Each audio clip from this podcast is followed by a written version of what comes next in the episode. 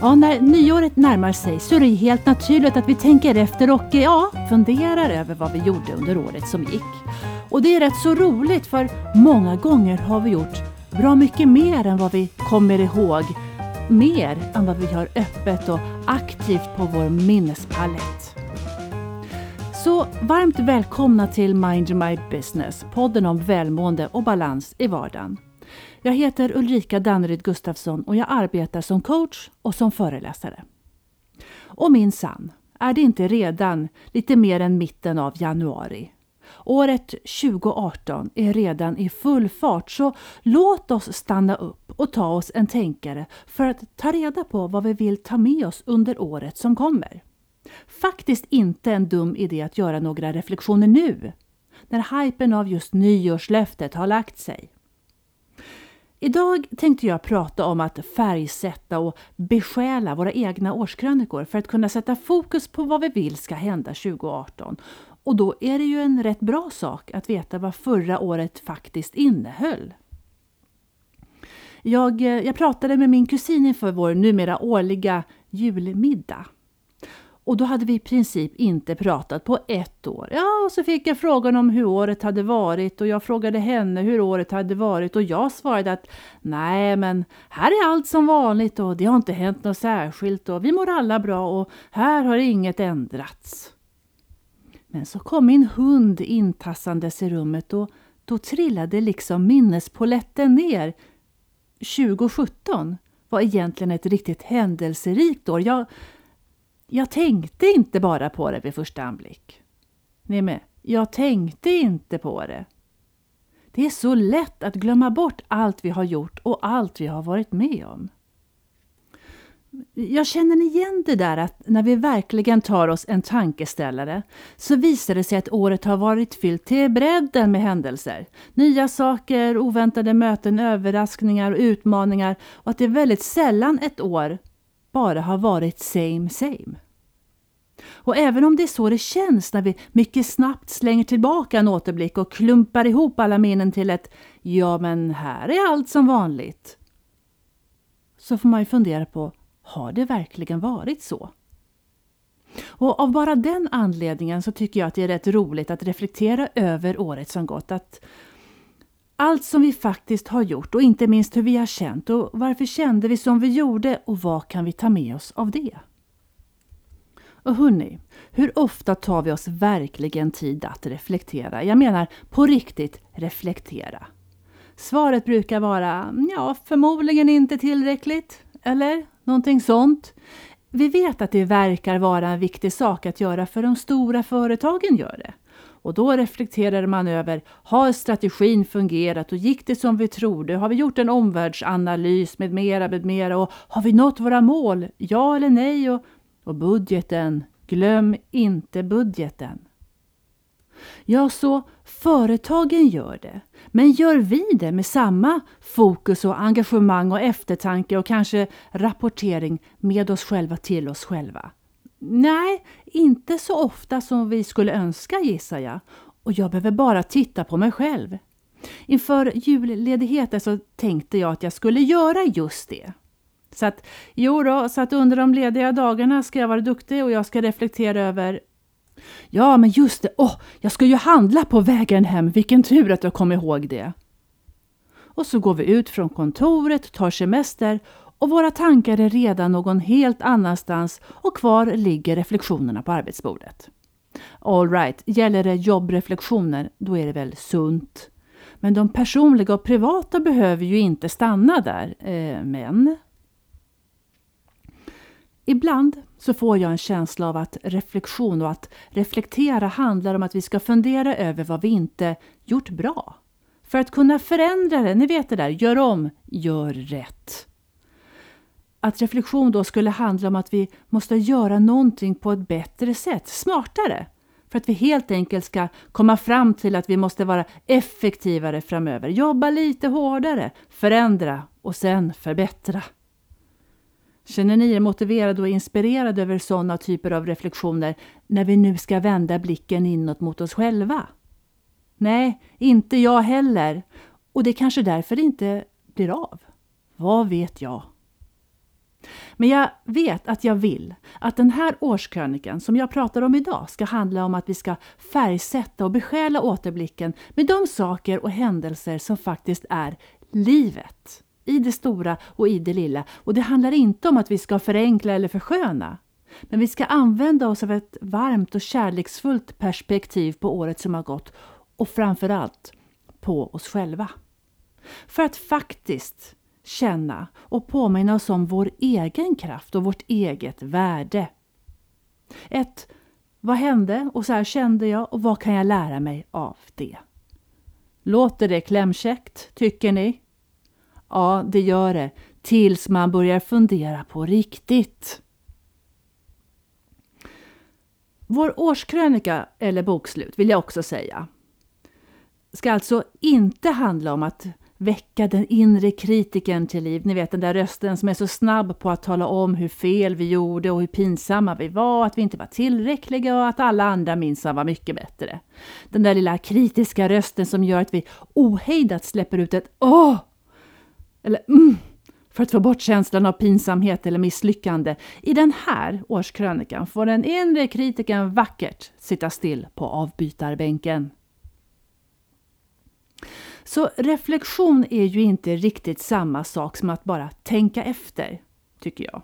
En reflektion kräver en ansträngning, alltså att vi använder ett medvetet fokus och ett engagemang för att plocka fram detaljer, smaker, minnesbilder, ljud och känslor, färger, former. Och det innebär ju per definition att vi måste sätta av hmm, tid. Att bara tänka efter kräver inte nödvändigtvis någonting särskilt av oss. Och det är då vi bara slänger ut oss ett Ja men här är allt samma samma. Men för att reflektera så behöver vi fokusera och faktiskt också kanske stänga ute bruset omkring oss. Och för att kunna stänga ute det här bruset så behöver du kanske hitta en miljö som bjuder in till stillhet och eftertanke. Säkert bra att sätta sig i en annan miljö om det är möjligt. Särskilt om du är en vanemänniska. För ny miljö, nya tankar och förhoppningsvis nya perspektiv. Och sitter du i en rörig miljö och må hända inte vill flytta på dig, ja, då får du väl sätta på dig ett par hörlurar. Och hörni, om bara tanken på reflektion gör dig rastlös så kan jag trösta dig med att förmågan att hålla fokus och ja, vilket ju är essentiellt vid en sån här årsreflektion som vi ska göra, fokus, ja det går ju såklart att träna upp. Om vi är vana att byta fokus och göra flera saker samtidigt, ja, multitasking. Ja, som att svara på mejl och ha flera än åtta flikar aktivt uppe på datorn och samtidigt som vi svarar på frågor, är kreativa, påhittiga ja då blir vår hjärna garanterat lika rastlösa som vi och vill inte behålla fokus på en sak en längre stund. Och dessutom, vilket faktiskt låter logiskt när man tänker på det, så blir det en stress för hjärnan att hela tiden börja om. Så hjälp hjärnan hjälpa dig med att bestämma att avsätta en egen stund för reflektion. Tala om för det inre systemet att nu är det det här som gäller och så pekar du med hela handen. När jag hade kommit på idén för egen del att göra en hyfsat vettig återblick och verkligen fundera alla vad hände, vad kände, vad lärde 2017 så hade jag en fin, fin bild i huvudet över den här situationen skulle se ut och att jag skulle känna att det var läge att göra det och inspirationen skulle vara hög för att göra det. Men se, mm, det infann sig liksom inte riktigt på det viset. Tanken var att jag skulle göra det som jag sa under julledigheten men av någon outgrundlig anledning kom jag inte till skott. Det var ju så mycket annat jag behövde göra. Jag skulle dricka kaffe i sängen, jag skulle titta på Ivanhoe, laga mat, umgås, hitta på saker, eh, laga mat, förbereda, födelsekalas. Ja, alltså aldrig är vi väl så upptagna som när vi är lediga. Så, för att leva då som jag lär, fick jag vackert just boka en tid med mig själv och inte sitta och invänta det rätta tillfället som aldrig tycktes komma i alla fall. Och när jag väl satte mig ner, så satte jag mig ner. Och så ställde jag mig upp, för mm, det krävdes nog lite eld i kaminen trots allt och jag behöver nog en varm kopp te och jag måste nog ha mina mysbyxor på mig. Jag kom inte till skott. Så jag började ändå. Och trott eller ej, efter ett tag så upptäckte jag att jag var mitt i det och tankarna och orden kom ganska ansträngningslös. Tiden, den hade bara runnit iväg. Och vad vill jag säga med det här då? Jo, att ibland, till och med rätt så ofta, så behöver vi starta för att hitta inspirationen. Lite som när vi i längdspåret saxar upp för en backe för att sen kunna känna vinden i mössan när vi svischar ner på andra sidan. Alltså om man nu har listat ut hur man åker nedförs med längdskidor vill säga, utan att trilla. Men tar jag mig alltså inte upp kan jag inte svischa ner. Ja, så vad är då syftet med att eftertänksamt reflektera, fundera och tänka efter? Jo, för att med större kunskap om oss själva kunna ta oss an 2018 på absolut bästa sätt. Det är helt klart en fördel att ha lite koll på hur vi fungerar, hur våra inre mönster ser ut, som en karta ungefär. För egen del får jag ibland tänka så här att aha, nu är det en raksträcka i skidspåret ett bra tag framöver. Då vet jag av erfarenhet att det är bra att skaffa sig ett momentum framåt, så det är väl bäst att jag gör det nu också. Men jag vet också att jag gärna faller till föga för ett par diffusa pauser när jag inte får hjälp av en lätt sluttning nerför. Men nu har jag också lärt mig att jag ju uppskattar de här pauserna. Och då är det ju bättre att planera in dem än att hitta på orsaker för att få stanna som knyta om pjäxorna eller titta på Runkeeper eller se hur kallt det är ute eller var det inte kallt alls eller störa mig på alla som hela tiden varvar mig. Så, här kommer fem reflektioner att fundera på och för er att reflektera över. Det skulle kunna vara hundra, men en reflektion kommer förhoppningsvis att leda till fler, så låt inte fantasin sätta några gränser. Den första reflektionen blir alltså, vad har du de facto gjort under året? Hur såg januari ut förra året och mars och november för den delen? Idag med alla kom ihåg den här dagen påminnelser som vi får från Google så är det rätt lätt ändå att plocka fram en bildkatalog och ett par Ja, just det. Jag tänker att det är både roligt och värdefullt för oss när vi kommer ihåg saker. Alla de många olika saker som vi faktiskt har gjort. Allt det där som vi inte tänkte på i första hand. Därför att det blir en påminnelse om att livet inte bara är en raksträcka till motorväg utan att vi faktiskt har tagit omvägar, kringelikrokstigar, gjort en hel del stopp på vägen och att det påminner oss om att vardagen ju faktiskt tillför en hel del värde. Det är inte bara på helgerna och semestern som färgpaletten förnyas och målas på utan en vanlig tisdag kan ha tillfört en ny färgpatron även om vi kan ha en idé om att tisdagar är veckans gråaste dag. Det finns många vanliga tisdagar på ett år. Och det kan ju vara allt ifrån skrattet på lunchrasten som är rätt lätt att glömma bort men som där och då blev en vitamininjektion. Eller en ärlig och själslig diskussion mellan vänner eller en vänlig kommentar från ingenstans som värmde hjärtat och satte färg på hela eftermiddagen. Jag tror verkligen att när vi nu plockar fram i minnet av vad vi har gjort under året så är det alltså inte bara de stora talens lag som påverkat oss mest. Utan i grund och botten de små och till synes obemärkta som vi tror går oss förbi. Det sitter mycket själ i dem. Det är de som färglägger vår årskrönika och gör den mer ja ni vet, blå, röd, röd, röd, grön, grön, gul, gul och inte bara grå, grå i form av Nej, så att det hände ingenting särskilt alls förra året. Så, gör gärna en lista över hur året de facto såg ut och glöm inte de små detaljerna.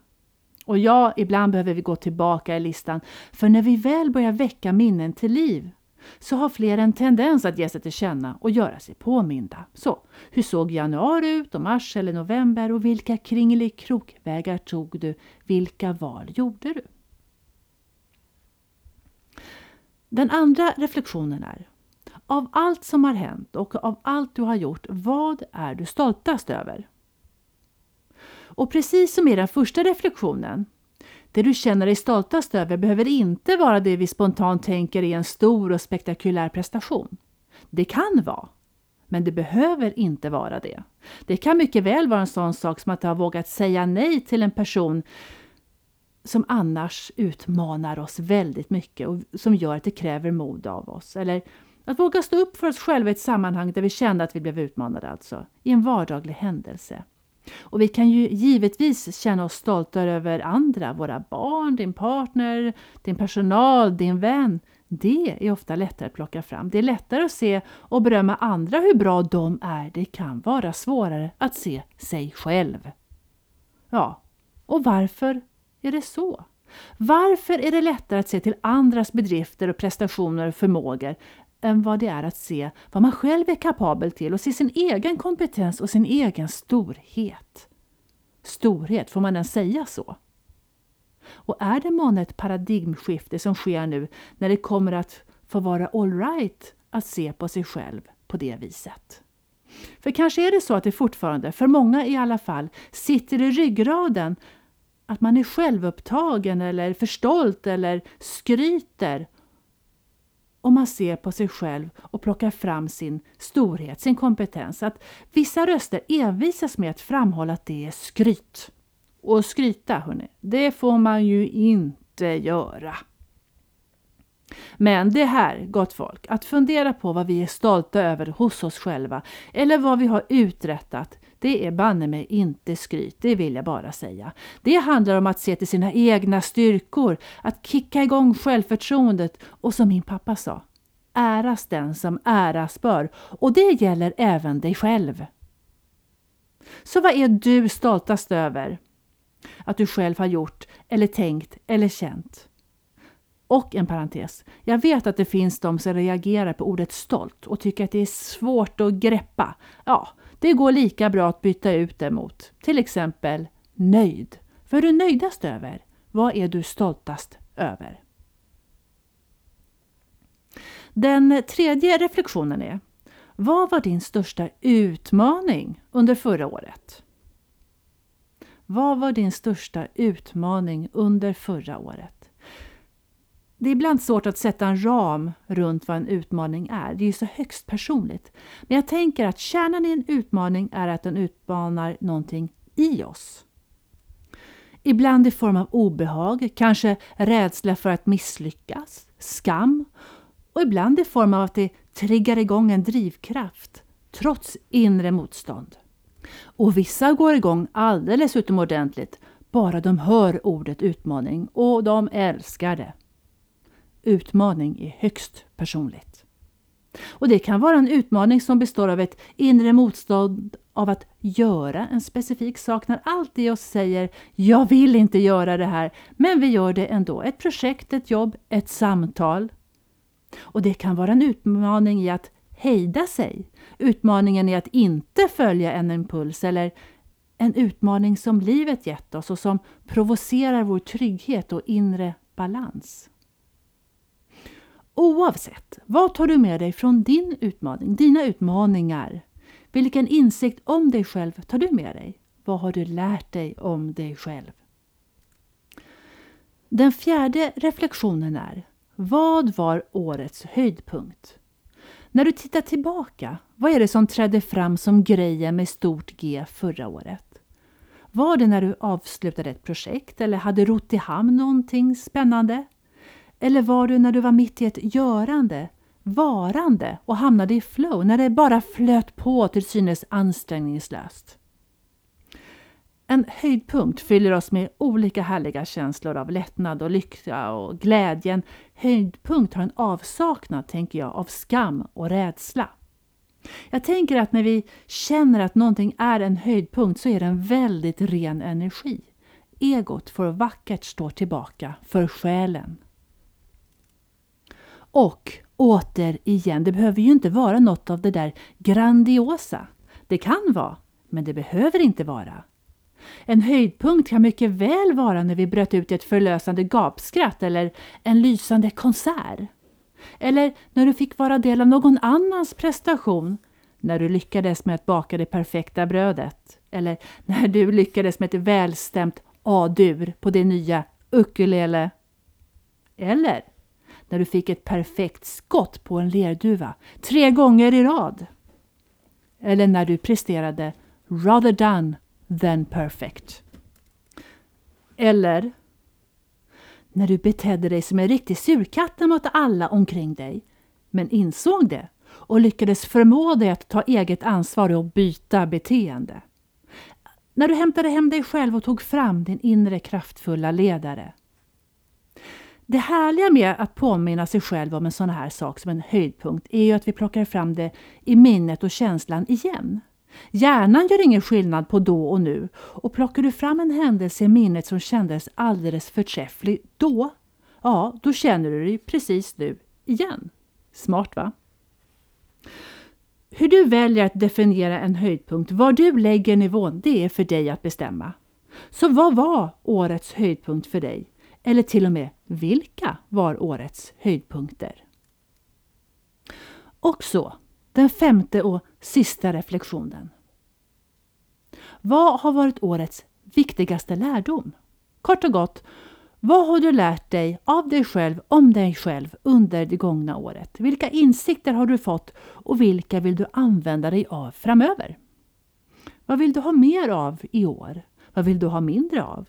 Och vad behöver du göra för att få det så? Och finns det någon som du kan ta hjälp av?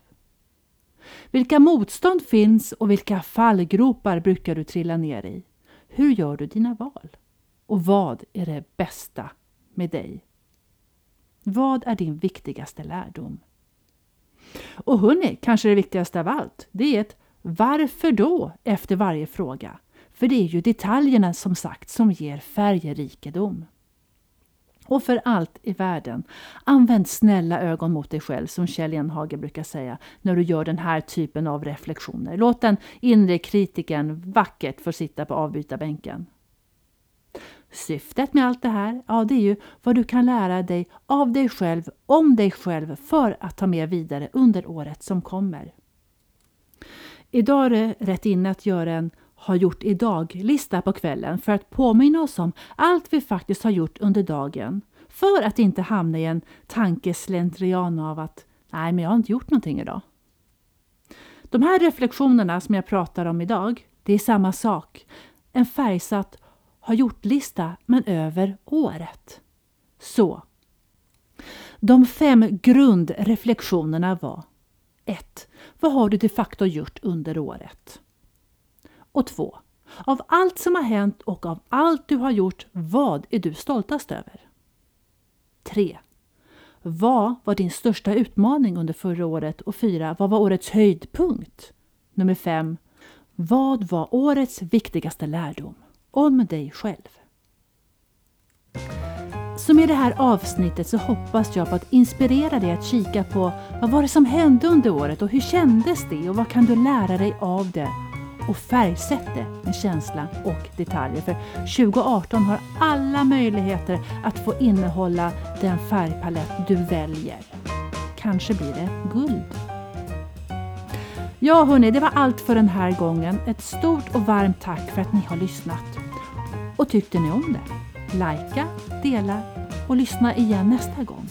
Och tills dess, ta hand om er och ha det så bra. Hej!